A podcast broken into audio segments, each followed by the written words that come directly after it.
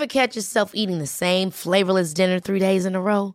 Dreaming of something better? Well, HelloFresh is your guilt-free dream come true, baby. It's me, Gigi Palmer. Let's wake up those taste buds with hot, juicy pecan-crusted chicken or garlic butter shrimp scampi. Mm. Hello Fresh. Stop dreaming of all the delicious possibilities and dig in at HelloFresh.com. Let's get this dinner party started.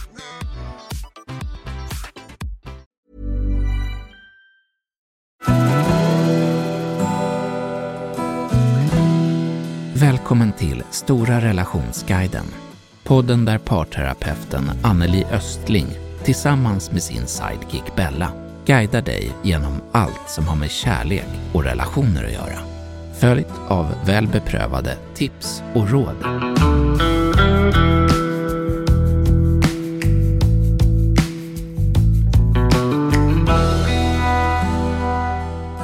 Hej! Nu har vi återigen ett av våra populära lyssnarfrågor-avsnitt. De brukar faktiskt vara en av de mest populära, vet vi.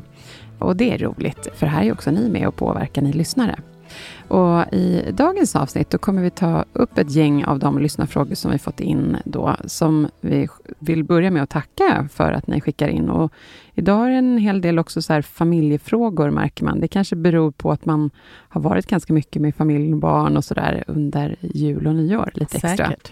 Säkert. Så vi är jättetacksamma för att ni har delat med er. Eh, och vi vet att vissa kan vara lite extra kämpiga och sådär. Så vi hoppas verkligen att vi kan hjälpa till här.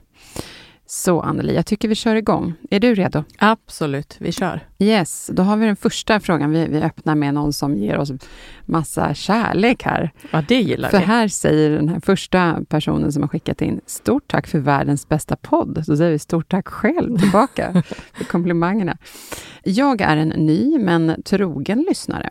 Jag är en 50-årig kvinna som för drygt tre år sedan lämnade ett långt destruktivt äktenskap, där jag helt tappade bort mig själv och även lusten till sex.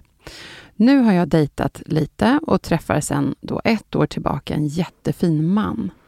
Han är lugn och trygg och liknar ingen man som jag tidigare haft en relation med. För tidigare har jag mest fallit för svåra typer inom citationstecken. Min nya partner har väckt min sexlust till liv och till nivåer som jag inte tidigare varit med om. Jag tror att jag känner mig väldigt trygg med honom och att jag nu vill upptäcka sex på ett sätt som jag tidigare inte riktigt har vågat. Så nu till min fråga. Hur gör man när en person, i detta fall då jag, kvinnan, har mer lust än min partner? När jag googlar på det här, då är det ofta mannen som har mer lust och det finns då gemensamma barn inblandade. Vår situation är annorlunda och vi har ett varannan vecka-liv. Jag förstår det här med att en relation lämnar den första passionerade fasen och går in i en djupare och lugnare fas. Och att man kanske inte har samma sexlust som i början av relationen. Jag har dock haft svårt att släppa taget om den första fasen och min partner och jag har varit lite i otakt här. Jag har försökt att ta upp frågan om sex lite försiktigt med min partner, men det är svårt och känsligt. Jag vill inte anklaga honom för att inte vara kapabel, men på något vis skulle jag ju vilja veta om hans lägre sexlust beror på att han inte vill lika ofta som tidigare. Vad som kan få igång honom eller att han kanske inte alltid kan. Det känns som att det kan vara en stor grej för män. Och vi kvinnor tycks prata mer om att komma i klimakteriet och vilken hjälp man kan få. Vi har fortfarande bra sex, vill jag tillägga, men jag känner mig emellanåt avvisad och det är väldigt jobbigt. Samtidigt undrar jag om problemet ligger hos mig. Varför jag får de här negativa känslorna och känner att jag inte duger. Att jag behöver få bekräftelse. Det blev lite rörigt det här, men det är många tankar som snurrar helt enkelt. Då hälsning från Anonym. Ja, hur gör man här då? Ja, Ja, det här är ju en angelägen och samtidigt känslig fråga för många. Den är vanlig. Och förälskelsen, precis som lyssnaren skriver, är ju en fas som sätter fart på känslor och lyckohormoner och vi kan verkligen bli helt förvridna i det här ruset. Och många längtar tillbaka till den här tiden när det börjar stilla sig. Men egentligen är det som kommer efter förälskelsen ett mer normalt tillstånd där man verkligen behöver lära känna och förstå varandra för att hitta den här stabiliteten och, och harmonin i relationen. Mm. Det jag fångade upp här är den fina inledningen på relationen och tryggheten som den här lyssnaren beskriver, som är lite ny för henne, som också väckt en sexlust som eh, känns härlig för henne. Och det är ju, det är ju stort. Ja, men det är väl bara underbart. Ja. Bättre sent än aldrig. Liksom. Och, nej, ja, precis. Mm. Och sexlivet fungerar bra, men det har smugit sig in en osäkerhet och jobbig känsla av att känna sig avvisad och obalans i sexlusten. Det är mer vanligt, som hon också skriver, att mannen har mer sexlust, enligt mina erfarenheter. Inte det så allmänt vedertaget? Jo, Liksom? jo Ja. så är det. Mm. Men det kan absolut vara tvärtom, som i det här fallet. Och Det jag vill säga till lyssnaren är att det enda som egentligen kan lugna och lösa det här är att kommunicera med varandra. För dels är relationen ganska ny. Mm. Dels har man kommit in i en ny fas efter förälskelsen. Och det är en massa olika känslor och man håller på och läser av för att bli trygg i relationen. Mm. Så att det är bra att inte dra för höga växlar initialt om att det finns ett problem här. Mm. Hon hittar på egna bilder i sitt huvud, eller Ja. fantasier om hur, hur det kan vara. Men det är Mm. bara någonting som sitter i hennes huvud, än så länge i alla fall. Ja, så länge som hon inte har stämt av det Ja. med sin partner. Precis. Så hitta inte på en egen sanning, utan ta reda på vad det är. Det är Ja. det man kanske ska säga. Ja. Men vad händer om man inte lyckas med det då? Ja, många tycker ju att det är obekvämt att prata om sex och det vet jag. Men det är nödvändigt för att få bort den här ängsliga känslan som smyger sig in när man inte har lika stor lust. Speciellt i en ganska ny relation. Mm. För på något sätt så blir det en måttstock. Och vissa kan förlita sig allt för mycket på det här. Att jag, det här går bra, min partner tycker om mig, min partner vill vara nära mig. Men det är också så att när relationen normaliseras och man återgår till ett vanligt liv Man är inte i ruset riktigt Nej, man längre. är inte i ruset. Nej. Och då kan det vara som så att man kan vara distraherad av någonting annat tillfälligt eller vara i stress eller vad som helst. Mm. Så när man känner oro så kan det ta bort njutning och glädje från andra kärleksstärkande handlingar. Mm. Alltså, när man har oro över sex så kan det bli att man blir blind för att se allt det andra som en partner gör. Ja, Just det, det var bra att Ja. tänka på det, att öppna upp ögonen för vad, vad han gör istället. Ja. Alltså andra bekräftelsegrejer. Ja, men Och- man kan bli lite blind i det där när man är orolig. Ja, och det där är måttstocken. Mm. Bra Och, tips. och anledningen till en minskad sexlust kan bero på många olika saker som inte behöver ha med partnern att göra. Nej, men såklart. Ja, Mm. och det behöver man komma ihåg och det behöver man liksom kunna säga till sig själv att det här behöver inte ha med mig att göra. För en man som inte har förmågan så kan lugna samtal med en vilja att förstå och lära känna varandra vara det som gör att den här mannen väljer att öppna upp sig mera. Mm. Alltså att bara, bara prata om det här och våga gå in i det här sårbara samtalet när den andra känner sig orolig för att inte vara älskad. Mm. Om man inte pratar om det, då blir det bara konstiga vibbar.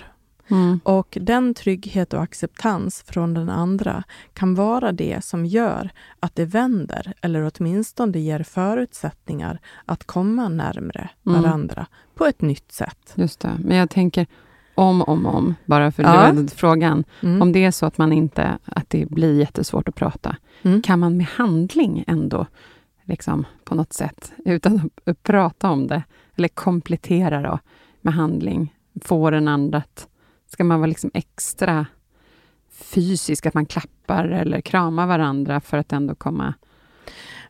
Allt sånt där runt Mm. omkring Mm. som kommer utifrån en oro eller osäkerhet kan bli att kännas konstlat. Ah, det ja. blir som Mm. att man tassar på tå.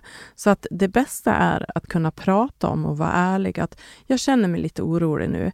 Egentligen så märker jag att du tycker om mig, men det här kan göra mig lite osäker. Kan du hjälpa mig att förstå? Jag upplevde tidigare att du hade mera sexlust och nu har det minskat. Jag är bara orolig att det är någonting som har med mig att göra. Fast jag förstår ju att det är helt normalt att det kan växla. Det var ju jättebra tips. Och Ja. där tror jag verkligen precis är hur man säger också. Ja. Att man inte är dömande, utan man är... Vi kommer tillbaka till det här med tryggheten, att känna sig lugn och trygg med varandra. Mm. Och man gör det på ett sätt som utgår från sig själv, än att man är, liksom, attackerar den andra. ja. Så det är väl jättebra. Och att man då verkligen är en god lyssnare. Att Mm. man låter den andra få prata och man verkligen finns där och lyssnar in. Och, ja. Det Ja. blir väldigt ärligt mm. och man har lättare att förstå varandra. Ja, men vad bra. Jag, jag tänker att vi... Jag hoppas att vi har gett ett bra råd till henne. Mm.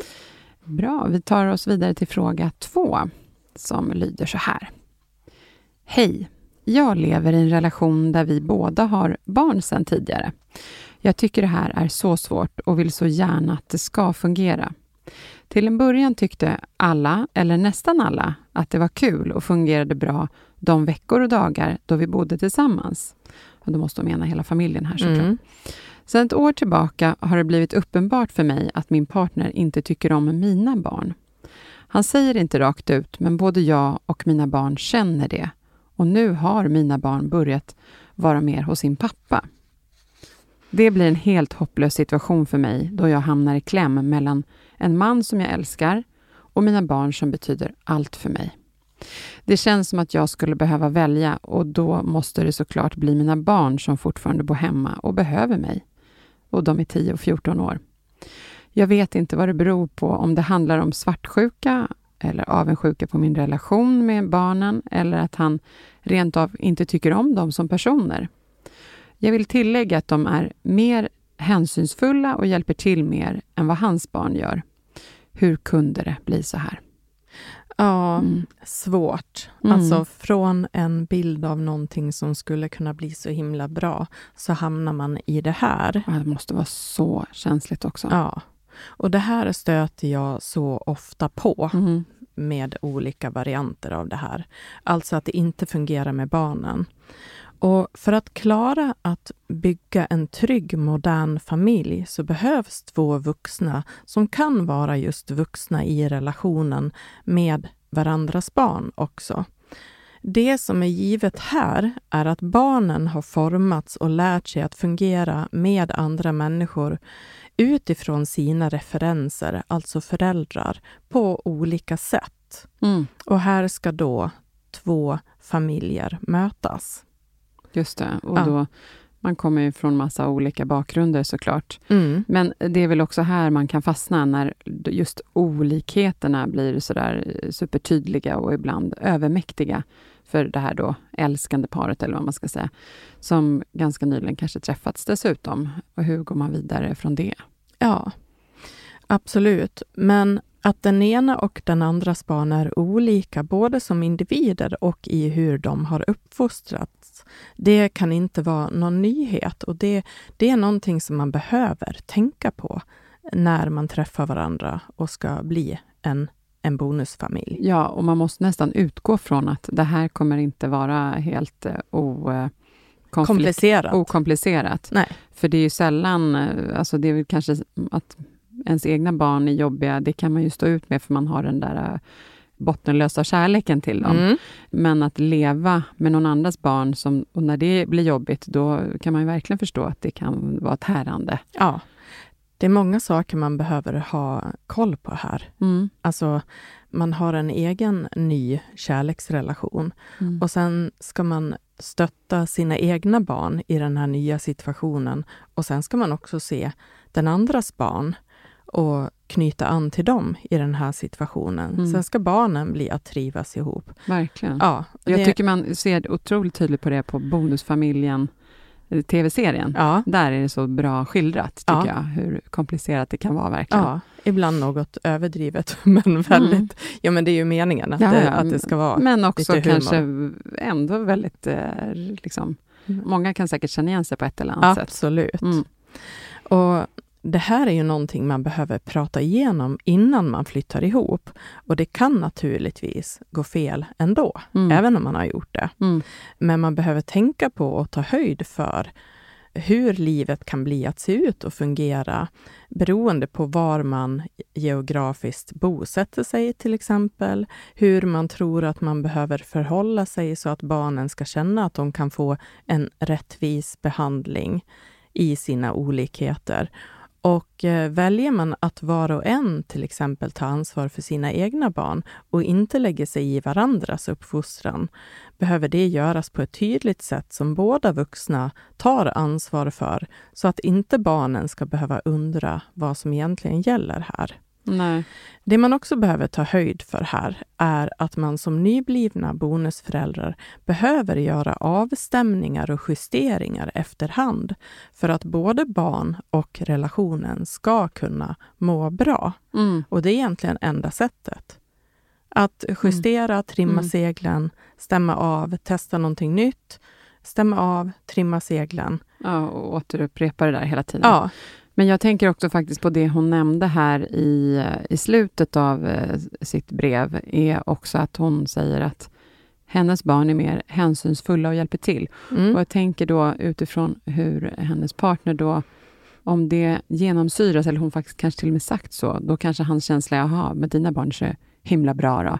ja. Och bara den, då blir det en obalans.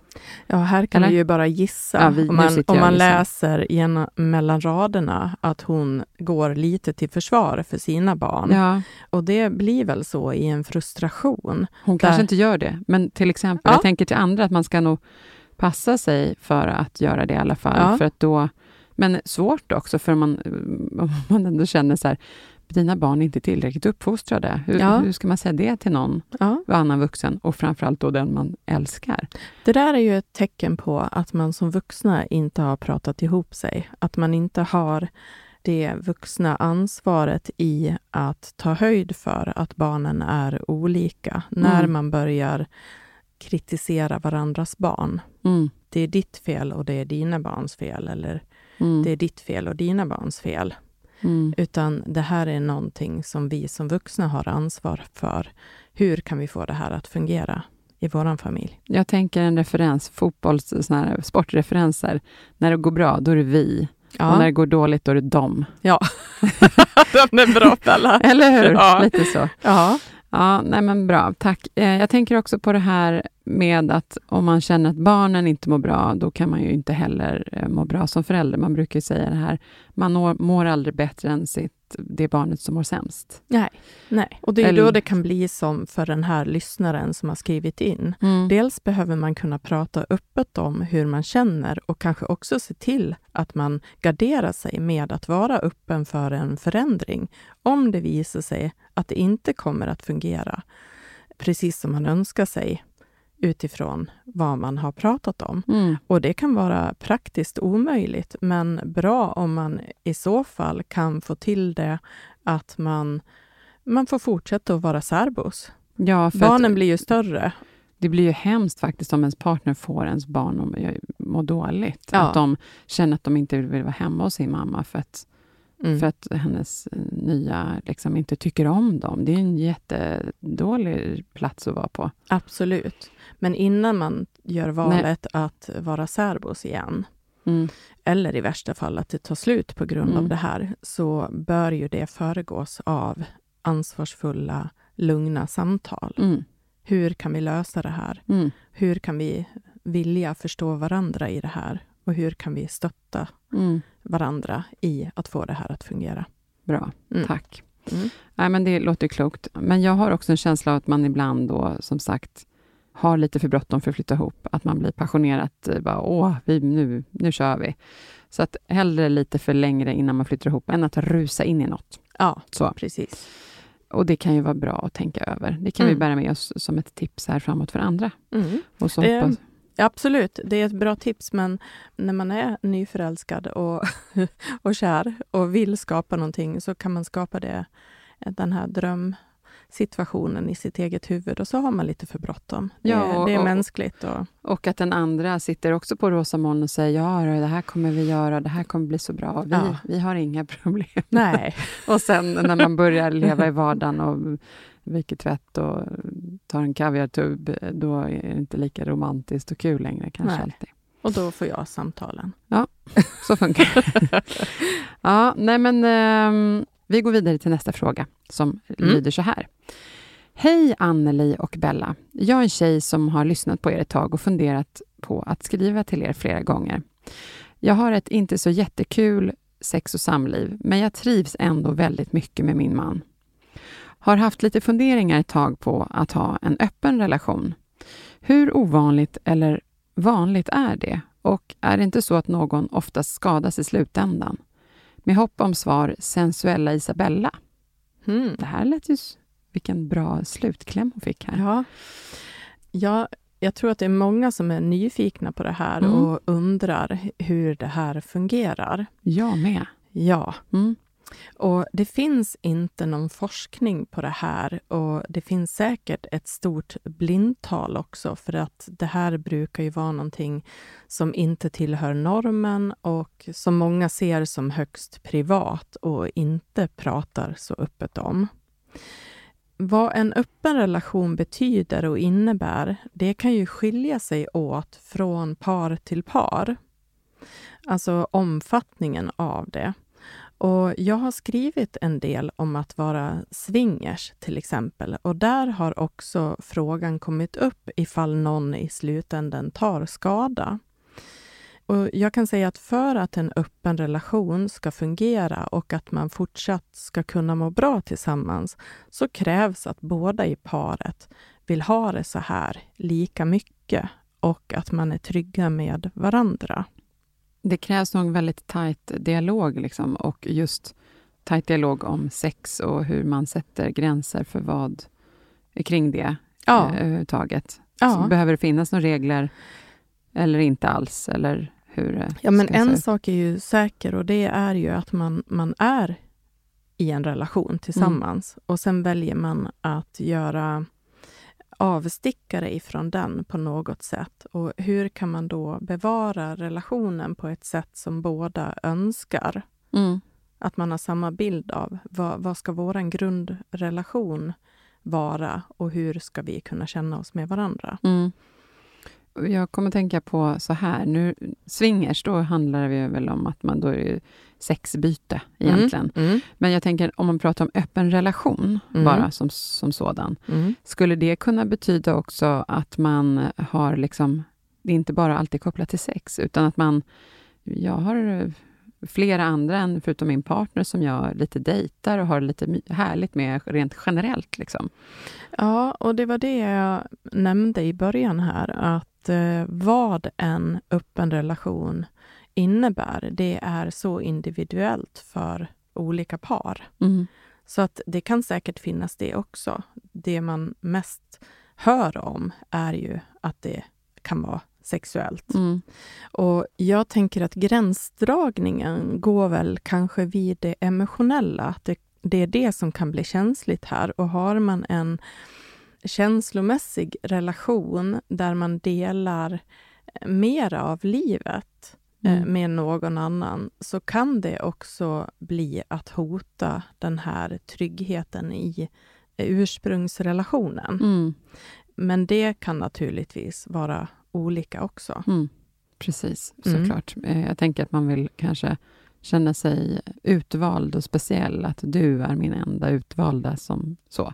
Men vi alla har ju inte samma behov, Nej. det vet vi. ju. Nej. Men jag måste ändå säga, det här låter inte som en helt okomplicerad sak, utan eh, kanske säger mer om mig i och för sig, än de par som väljer det här. Mm. Eh, eller vad säger du?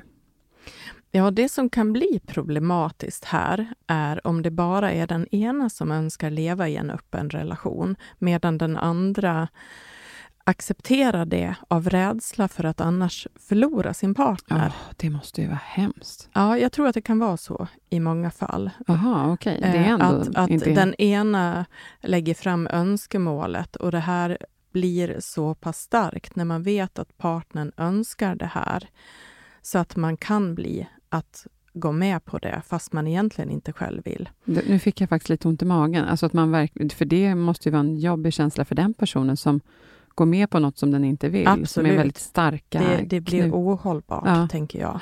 Sen kan ju sättet man förhåller sig på ha betydelse om man inte respekterar vad som är eller inte är okej okay för den andra, om man nu har valt det här. Mm. Jag har också fått uppleva att det är lätt att det kan uppstå svartsjuka i de här relationerna för att man inte är mån om att hålla sin partner trygg medan man dejtar eller har sex med någon annan. Mm. Och Det bygger ju på ömsesidig respekt och omtanke om varandra och att man inte tackar ja till någonting man egentligen inte vill. Mm. Men redan här, det blir lite ängsligt i det här om man inte är två som är överens. Mm. Det här mm. vill vi. Vi testar. Om det inte fungerar så lägger vi ner. Mm. Det är du som är viktigast för mig och mm. vice versa. Just det. Ja. Det måste verkligen vara en riktigt fin tunn linje, känner man. Ja. Det här. Och som du säger, att det finns vissa som går med på det. Det hoppas jag till er lyssnare som har varit inne på det här, att man inte skulle gå med på något man skulle må dåligt av. Men man kanske också är rädd för att tappa sin partner. Ja. Så man fattar ju, eh, det är ju en stor chansning, men... Ja, eh, ja. det är ett risktagande ja. och det behöver finnas förtroende och tillit. Men också, tänker jag, att för vissa som kanske känner att den här chansningen är kanske något som triggar också. Ja. Att de kanske lite njuter av det på något vis. Ja, det får man ju förmoda att det, det är anledningen till att man vill ta mm. den risken. Mm. Och så kan det ju vara. Ja. ja, och vi är ju alla så olika igen. Så ja, är det verkligen. Så är det.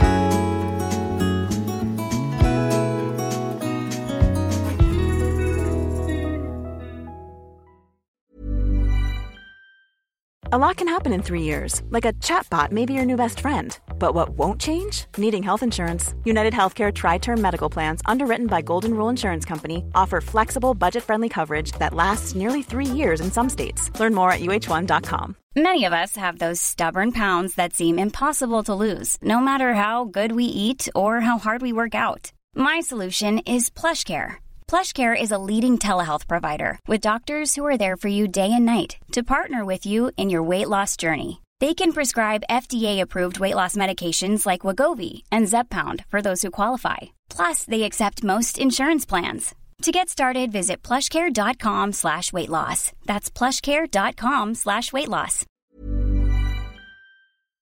Ja, vi går vidare till fråga fyra. Hej, jag är skild sedan ett och ett halvt år tillbaka. Mitt ex hittade en tjej och då påbörjade relationen innan skilsmässan med en tjej från Skåne. Vi bor i mellersta Sverige och nu säger mitt ex att han kommer flytta ner till henne. Vi har två barn som är skrivna hos mig och jag är så ledsen för det här. Jag kommer då att ha barnen på heltid och han kan segla in som en rolig pappa på helgerna. Barnen är idag 9 och 13 år. Läxor, aktiviteter, tröst, allt hamnar på mig. Mitt liv kommer ju att förändras radikalt på grund av ett beslut som han tar. Och han säger att han gärna tar barnen på heltid och att de kan flytta till honom. Men det är blankt nej från min sida. Dock får barnen säga sitt, men jag tror att de vill bo kvar här. Jag har nyligen också träffat en ny och vårt förhållande kommer ju att förändras. Jag kan inte träffa vänner på samma sätt och vi kan inte ha högljutt sex i huset när vi vill och det känns som att det är en bomb över mitt huvud som jag inte kan styra när den ska explodera. Tyvärr har jag svårt att hålla mig lugn, glad och snäll när vi pratar, utan jag blir fort taggig och axlarna åker upp. Hur ska jag tänka? Vad ska jag göra? Jag känner mig självisk, men jag tycker att vi är två föräldrar som borde ta 50% ansvar var. Eh, hälsningar från Anonym. Ja. Besvärlig situation. Verkligen, man förstår ju hon har ju tvingats in i någonting som hon inte alls eh, hade velat. Nej. Och jag förstår verkligen frustrationen hos den här kvinnan som skriver in att dels bli lämnad för en annan kvinna och sen behöva välja mellan pest eller kolera när det gäller barnen och sin egen livskvalitet, trots att valet här ändå blir självklart, i alla fall för personen som har skrivit in. Och jag hade ju också valt barnen. Mm. Det kan också finnas en sorg över att eventuellt uppleva sig själv ersatt. Men att också förstå att partnern även är beredd att flytta från barnen. Det här behöver inte bli så dåligt som det kan kännas men initialt kan det vara jobbigt och med en oro för hur barnen ska känna sig att eventuellt tvingas att välja mellan att bo med mamma eller pappa. Mm. Det har vi ju ingen aning om här. Om pappan kommer erbjuda att ni kan flytta till mig om ni vill. Mm. Och mamman säger att hon kommer naturligtvis att fråga barnen. Men det här, det blir svårt för barn i den här situationen, Mm. tänker jag. Ja, men det är en oerhört svår situation skulle jag verkligen säga. Jag, jag känner mig verkligen ledsen å hennes vägnar. Men hon gör ju faktiskt rätt i, såklart, eh, håller 100% med om att välja barnen. Mm. Även om det då är på bekostnad av mer egen tid utan barnen.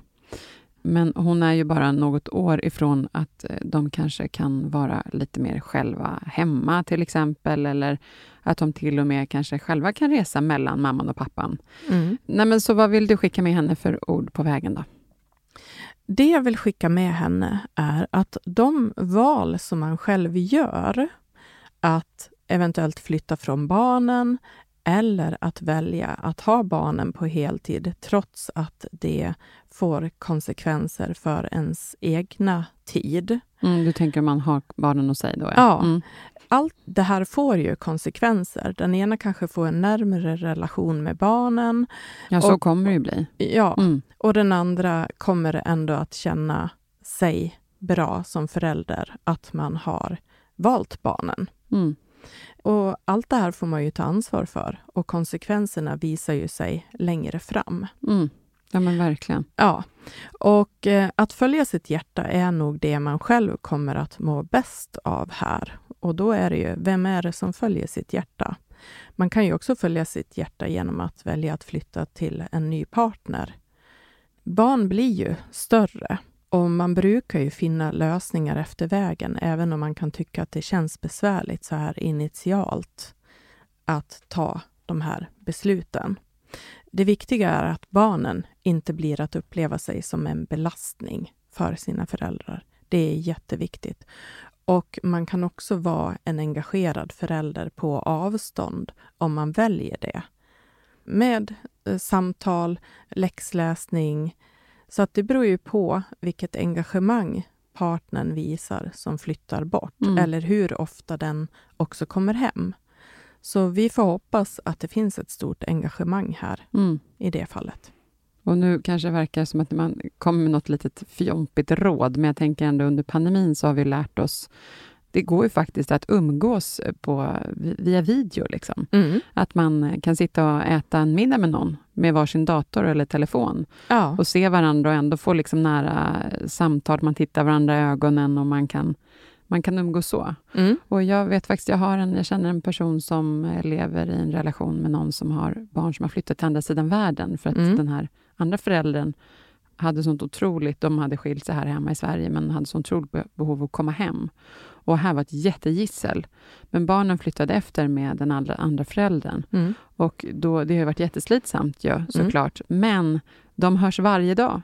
Ja. Eh, Den här föräldern hörs varje dag med sina barn via Mm. video, då, Facetime. Ja. Och det är ändå bästa sättet i alla fall. Och så får man göra det bästa av situationen. ja, men det är ju fantastiskt och det blir vad man gör det till. Och jag brukar ju också säga att har man tillräckligt trygg relation så kan man klara av att befinna sig på andra sidan jordklotet Mm. bara man varje dag får den andra att känna sig betydelsefull. Eller kanske inte varje dag, men, men gärna varje Ja, dag. men om man, om man då är när, då kan man ju faktiskt vara närvarande förälder genom att så här, fånga upp, så här, men vad sa de igår när de lämnade läxorna där? Att Mm. inte bara den där, som hon förklarar här, den roliga helgpappan, Mm. utan man kan också vara en helgmamma för den delen. Men jag tänker på, för jag vill också bara poängtera, nu får vi höra här att din man som har flyttat ner till sin kärlek, men det kan ju vara de som också då så här, mår så dåligt om alternativet skulle vara jag tänker på den här som jag känner till som har flyttat till andra sidan jordklotet här. Det är liksom verkligen så långt bort. Mm. Men alternativet hade inte varit kvar att vara här hemma i Sverige, utan då hade den här personen mått så psykiskt dåligt och inte varit en bra förälder heller. Mm.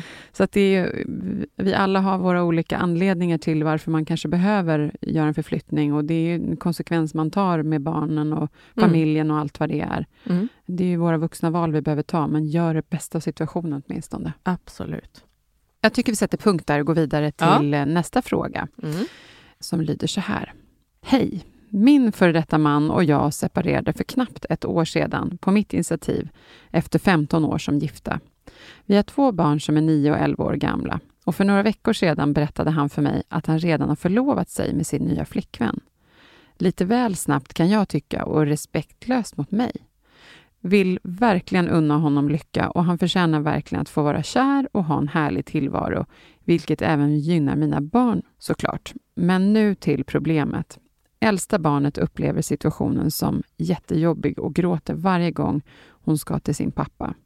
Hur kan jag ta upp det här på ett bra sätt utan att det blir fel och att jag lägger mig i hans privata liv? Tacksam för vägledning. Ja, det är alltid förenat med eh, förändring, förlust av någonting och sorg med att gå åt varsitt håll, oavsett vem som har tagit initiativet. Det känns mm. att separera. Mm. Att välja att inte leva tillsammans längre innebär att man ska gå vidare med sitt eget liv, vilket också kan innebära att man träffar en ny livspartner förr eller senare, om man vill det. Mm. Och hur lång tid det tar, det kan ju variera och vad det är var och ens eget val. Alltså, den som skrev in var den som hade tagit initiativet som också är lite ledsen över att det har gått lite för snabbt. Det kan ju också säga lite om deras vuxna relation. Ja, ja, att de kan, precis. Men jag måste också säga att jag är inte helt förvånad när jag hör den här frågan. För jag tycker att det är ganska så vanligt att man hör att det är någon som lämnar och den andra är kanske väldigt, väldigt ledsen. Men mm. sen tar det inte så lång tid innan den som blev lämnad är den som först träffar någon. Nej. Och det är inte så förvånad över faktiskt. Om man ska se det i ett större perspektiv så är det ju fantastiskt om man mm. kan hitta ny kärlek efter att man har separerat. Mm. Och hur lång tid det tar, de flesta önskar väl att det ska gå snabbt. Mm. Ja. Men man förstår att det här kan kännas sårande, men en vecka eller en månad hade väl kanske varit eh, jätte... Ja. Man lyfter på ögonbrynen och undrar vad hände här? Absolut. Men ett år kan vara väldigt långt och det ja. vet man ju inte. Nej. Men det kan väl också kännas jobbigt för barn då som kanske är rädda om och vaktar på liksom sin trygghet och kanske tycker att det är känsligt när någon förälder träffar en ny. Vad har vi att säga om det? Ja, och det är väl egentligen det som jag lägger störst vikt vid här, att det är ett barn som inte mår bra av det här. Och i det här fallet så har ju ett av barnen upplevt situationen som jobbig och jag tror att det finns mycket som man kan göra för att förbereda och trygga barnen med att säga att man alltid kommer att finnas där för dem, även om man väljer att leva med en ny partner. Alltså, att jag väljer en ny partner innebär inte att jag väljer bort dig, mm. utan du kommer i första hand för mig eftersom du är mitt barn och jag har ansvar för dig och jag älskar dig. Man kan också undvika problem genom att prata ihop sig med sin ex-partner om planen så att man kan vara två föräldrar som är beredda att trygga ett barn eller en ungdom när de här förändringarna sker. För det är klart att det gör någonting med barn mm. innan man har börjat känna sig trygg igen. Och barns reaktioner kan bero på vilken relation man tidigare har haft med sin förälder. Är man trygg med sin förälder, då kanske det inte blir en lika stor grej. Har relationen inte känts trygg och nära innan så kan det här leda till att eh, en 11-åring protesterar i det här fallet. Och det är vi som föräldrar som behöver ta ansvaret att fånga upp våra barn och ge dem chans att berätta vad de tycker är jobbigt utan att låta barnen få styra föräldrars vuxna liv. Mm, ja, men verkligen. Och barnen får känna att de är med också och påverkar sina liv lite också. Absolut. För det är väl väldigt vanligt att barnen heller inte vill såra sina föräldrar eller göra dem besvikna. Mm. Och då vågar de inte säga något. Nej, Eh, så kan det också vara. Ja, Men då behöver man som vuxen kunna fånga upp och vara lyhörd för barnen. ja, och att inte, det är ingen skön känsla för ett barn heller att känna att mamma och pappa bestämmer över huvudet på dem. Liksom. Utan att de kanske ändå får vara med i någon typ av dialog och säga någon, ha någon sägning i det här. Ja, framförallt att man tryggar dem med Mm. att det här kommer inte förändra någonting i vår relation. Nej, nej men precis så. Och Att man pratar ordentligt med sina barn om det här. Mm. För det har man nog verkligen att vinna på i längden. Ja, Eller vad säger relationsexperten? absolut. Jo, men att få barn att känna att de får vara med och, eh, och vara delaktiga tror jag är viktigt. Sen behöver man som vuxen ta ansvarsfulla beslut om man tror på att det här kan bli att fungera så att alla kan må bra. Mm. Men barn kan ju inte vara med och styra vilken partner de tycker att Nej, nej, föräldern ska nej. ha. Så. Precis, men om man går varsamt så kanske i alla fall det blir bättre i Mm, längden. Mm. Vi går vidare till nästa fråga. Ja. Hej! Jag fick tips av min kollega att lyssna på relationstips från er podd. Hoppas att denna fråga kommer med. Jag har alltså en fråga om som lyder så här. Jag är i en relation sedan över ett år tillbaka. Min tjej har sedan start gjort jämförelser med sitt ex. Hur får jag henne att sluta prata om honom? Hon jämför till exempel situationer och samtalsämnen som hon har haft i sin tidigare relation. Och I början då vågade jag inte säga ifrån för jag var så kär. Men nu är jag så trött på det här. Kan ni ge tips till mig? Från Johannes. Ja, det här är ju någonting som verkligen kan upplevas som känsligt och till och med onödigt. Och alla har vi haft ett liv innan vi möttes och ibland kan det vara relevant om man berättar om någonting tidigare, en tidigare erfarenhet som tillför någonting till den här relationen. Alltså syftet ska ju vara att det tillför någonting. Och jag tror att vissa personer inte ens är medvetna om hur det här kan såra och skada en ny partner och relation. Det är viktigt att själv våga vara tydlig och bestämd och vänlig med att man inte uppskattar de här samtalen. Men jag är ändå lite förvånad. För om man bara tänker sig själv, hade jag velat eh, höra... Alltså om jag, jag är den som pratar om mitt ex hela tiden, hade jag velat höra den andra? Väl- Nej, jag tror att de flesta kan tycka att det känns lite onödigt. Mm. Det är varför. Mm, Mm. Vi har våran relation. mm. Så jag håller med, men det sker ju ganska ofta. Ja, det gör det. Mm. Och om man tydliggör vilket syftet är med att jämföra situationer och samtal som var i en tidigare relation, så kan man tydligare förstå om det tas upp med en god intention, tänker jag. Mm. Någonting som hjälper en partner att förstå varför man reagerar som man gör. Och man kanske kan önska till partnern att jag skulle hellre vilja att du hanterar det här på det här sättet, för jag blir så påmind om det som har varit tidigare. Och det är någonting som jag vill komma ifrån. Ja, och det hoppas jag att man kan förstå och sätta sig in i också. Ja, ja. Man kan ju eh, tycka och känna saker om en relation utan att jämföra med någon annan överhuvudtaget. Mm. Och då kanske särskilt inte sin tidigare relation. För Nej, det, jag tror att man ska undvika det överlag. Ja, det, det för det bra. kanske bara ger motsatt effekt till och Ja, med, ja. kan jag tänka mig. Jaha, men då vill jag göra precis tvärtom. Risken är större inte. att det skadar. Ja, ja men det var väl bra att du Ja. sa det. Ja. Yes, eh, då har vi en sista fråga kvar här som lyder så här. Hej! Jag vet att ni är en relationspodd och jag lyssnar på er ofta. Men nu har jag en fråga som egentligen inte rör en relation till sin partner, utan den är till mitt barn.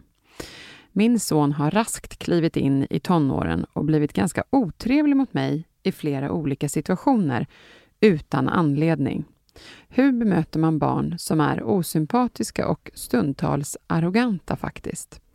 Jag har oerhört svårt att tillåta den här sortens uppförande och biter ibland ifrån lite väl hårt. Och då blir jag osäker. Jag kanske gör fel här. Finns det några enkla råd till en förälder med barn i tonåren? Tack snälla på förhand från Linköpingskan. Ja, jag tänker att det finns få saker som kan vara så frustrerande och sårande som när ens kära barn, en tonåring, testar ens gränser som förälder. Och Det är ju ett naturligt sätt att frigöra sig på och många gånger gör ungdomar det med en förälder som de i grund och botten känner sig trygga med tänker jag. Mm. Att man får komma ihåg det. Men det är dock viktigt att säga ifrån och markera när ungdomar beter sig illa på ett sätt som inte är okej. Okay. Samtidigt som man inte får glömma att vara just vuxen i det här. Mm. Ja, nej, jag tänker verkligen att det här har jag framför mig. Eh, och så tänker jag, så illa kommer det nog inte bli med mina döttrar.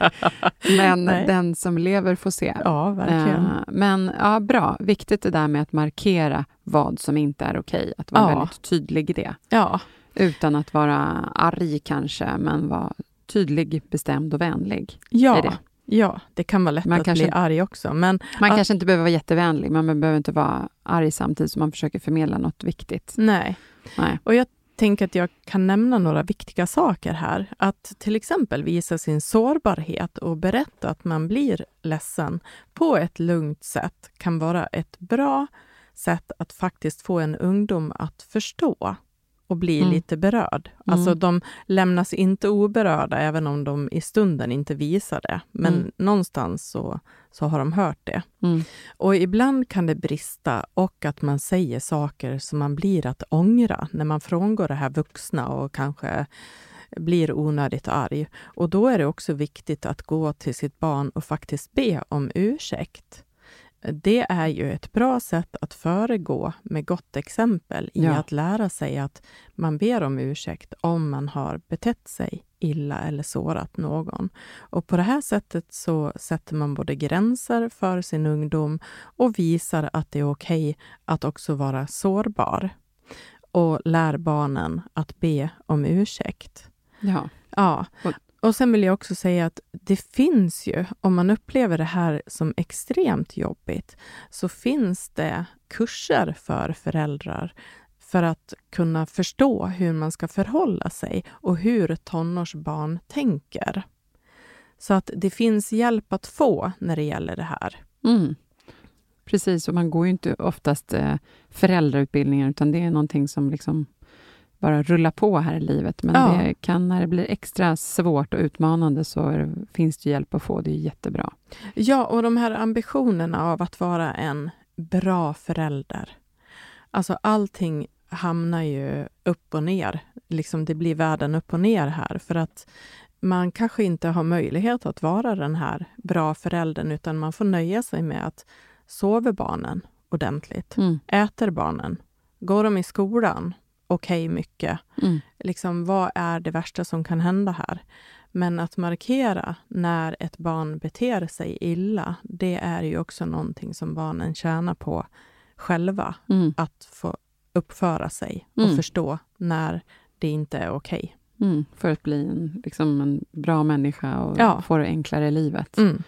Ja, det var viktiga ord du sa här tidigare, tänker jag. Och eh, jag tänker också det här att vara inte en för stolt förälder som aldrig gör fel, utan visa att alla kan vi göra fel ibland och då kan man be om ursäkt och prata om det så att det känns bättre efteråt. Ja. Verkligen. Ja. För det bara gör dig till en human, vad heter det? Ja, mänsklig. En mänsklig människa. Ja, och man eh, och, känner sig säkert bättre efteråt också ja. när man har bett om ursäkt som mm. förälder. Och då säger jag själv då också att jag, jag, ska tänka på det, för då lär du ditt barn mm. samma sak. Mm. Ja, men då var vi klara med avsnittet för idag. Men vi kan ju faktiskt också säga till våra lyssnare att vi kommer faktiskt ta en paus ett tag från den här podcasten Stora relationsguiden. För Stora relationsguiden har nu även fått andra platser att synas på. Nu här under januari månad så har vi både släppt eh, det boken Stora relationsguiden och vi har även appen Stora relationsguiden. Mm. Vill du berätta lite om den, Anneli? Ja, både boken och appen är ju som ett verktyg, som en hemläxa, så man kan faktiskt göra det här jobbet som man inspireras av när man lyssnar på podden. Man kan göra jobbet hemma med viktig information, konkreta tips och råd och sen den här hemläxan med tydliggörande frågor som också blir ett bra diskussionsunderlag. Det är Eh, verkligen som att få lite en mer ordentlig verktygslåda än att Ja, bara sitta här och lyssna. absolut. Faktiskt. Att, det, att man har saker man kan sitta och jobba med faktiskt med händerna och läsa och Ja. gå tillbaka och så. Ja. Mm. Sen vet vi ju att många, vi har ju många trogna lyssnare Mm. och eh, vi kommer tillbaka. Ja, det är ja, bara precis. det att vi har några eh, positiva projekt nu som kräver lite mera tid. Så att vi kommer tillbaka och eh, under tiden så går det att faktiskt fördjupa sig i olika relationsutmaningar eller områden under tiden på de här plattformarna. Ja, det är jättespännande. Så att, eh, håll utkik där och vi kommer lägga ut lite i våra sociala kanaler om information om det här och så också, Mm. om, ni, om ni inte har sett det redan. Ja. Så att vi säger eh, tack för nu till alla lyssnare för ett tag. Mm. Och även ett jättetack till vår kära producent Jens som är här på Stray Dog Studios. Tack för allt härligt samarbete so far. Vi ses lite senare igen. Och Anneli, eh, jag vill tacka dig också personligen och även som poddpartner. Tack för alla råd du kommer med här varje vecka. Och det, jag ska nog gå tillbaka och lyssna på något eh, så här i nystart av året när man behöver tvika lite på sina olika relationsgrejer kanske. Ja. Tack själv Bella, men det låter nästan som att det är ett begravningstal här. Va? Jaha, nej, men jag tänkte så här, nu är det bara vi gör en liten pausning ja, här. Liksom. vi gör en paus och vi är tillbaka Ja, vi är med tillbaka nya sen. spännande avsnitt längre fram. Ja, Ja, tack så länge Anneli. ja tack själv.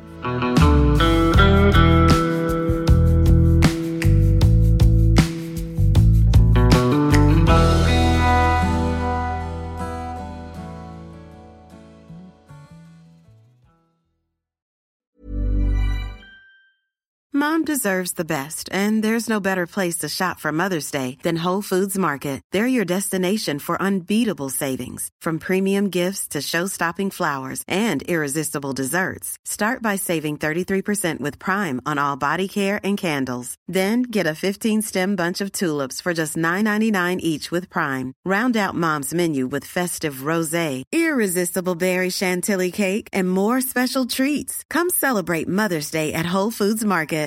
Ever catch yourself eating the same flavorless dinner three days in a row? Dreaming of something better? Well, HelloFresh is your guilt-free dream come true, baby. It's me, Kiki Palmer. Let's wake up those taste buds with hot, juicy pecan-crusted chicken or garlic butter shrimp scampi. Mm. Hello Fresh. Stop dreaming of all the delicious possibilities and dig in at HelloFresh.com. Let's get this dinner party started.